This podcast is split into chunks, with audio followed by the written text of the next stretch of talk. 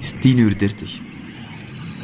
We zitten vlak aan de Maas, ten zuiden van Sedan, dicht bij Vrigne-Meus.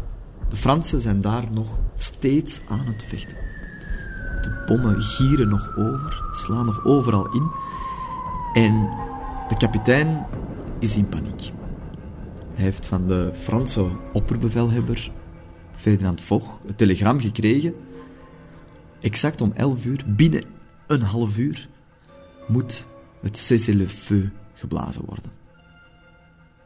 Want anders is de oorlog niet gedaan. Er moet een staakt het vuur geblazen worden door een klaroenblazer. De kapitein heeft geen klaroenblazer. Na vier jaar in de loopgraven was dat zijn laatste zorg. Wie had ooit gedacht dat de oorlog gedaan ging zijn? Zijn verbindingsofficier heeft een oplossing. Want hij weet van Octave de la Luc, een van de mannen die op dit moment aan het front zit, dat hij ooit nog een klaroen heeft geblazen. En wie weet heeft hij zelf nog een klaroen mee.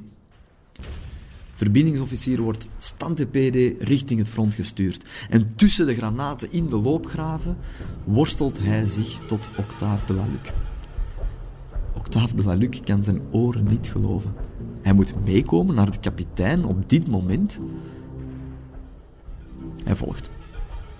Tegen kwart voor elf, nog een kwartier en de oorlog is gedaan. Het cessez-le-feu moet echt geblazen worden. Komt de la Luc aan bij zijn kapitein. Kapitein wint er geen doekjes om. Je moet blazen. Octave heeft inderdaad nog zijn klaroen. Hij heeft in een geblutste kist heeft hij zijn klaroen mee. En hij zegt eerst tegen de kapitein, maar ik ken dat niet meer. Ik ken dat wijsje niet meer. Dat is van 1911 geleden dat ik nog op een klaroen heb geblazen. Gelukkig is de kapitein bij de pinken en hij kan aan de hand van een ezelbrugje roepen in de oren van Octave Luc wat het wijsje was. Want natuurlijk, de bommen vallen nog steeds. Octave de la Luc pakt zijn kist en ziet daar zijn klaroen. Volledig geblutst, heeft de oorlog overleefd, maar is nooit gebruikt geweest. Ondertussen is het al drie voor elf uur. Binnen drie minuten moet er geblazen worden. De kapitein benadrukt nog eens, wat als de Duitsers niet weten dat de oorlog gedaan is. Wij zijn op de hoogte gebracht, maar je weet dat de Duitsers totaal in chaos zijn. Dus, beste Octave de la Luc, als jij niet blaast, gaat er misschien nog geschoten worden. Octave de la Luc pakt rustig zijn klaroen en het eerste dat hij zegt tegen zijn kapitein is merde. Geen mondstuk. Hij vindt zijn mondstuk niet. Hij begint op zijn gemak door zijn rugzak te zoeken. En uiteindelijk vindt hij een kistje. Maar dat kistje heeft een sleutel. Moet hij nog zitten zoeken naar de sleutel. Ondertussen is het 2 voor 11. Hij kan het kleine kistje openen en hij vindt daar het mondstuk. Maar het mondstuk hangt vol met tabaksresten en met was. Tot grote frustratie van de kapitein begon Octave de la Luc heel rustig die tabaksresten af dat mondstuk te plukken.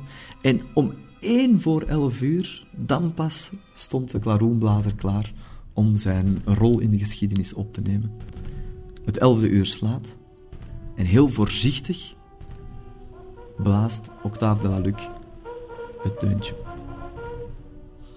Hij merkt dat het inderdaad plotseling enorm stil is over het niemandsland. Een tweede keer begint hij te blazen met wat meer durf. Hij toont zijn borstkas al boven de loopgraven en hij blaast het cessez-le-feu. En dan beseft hij, het is hier echt gedaan. De oorlog stopt echt, de bommen stoppen met vallen. Hij hoort ook roepen. Zijn cessez-le-feu, zijn deuntje, wordt beantwoord met feestgevier. Iedereen is blij. En hij denkt, ik heb mijn moment. Hij gaat vol in het niemandsland staan, in vol ornaat, blaast hij als een echte held het einde van de Eerste Wereldoorlog in.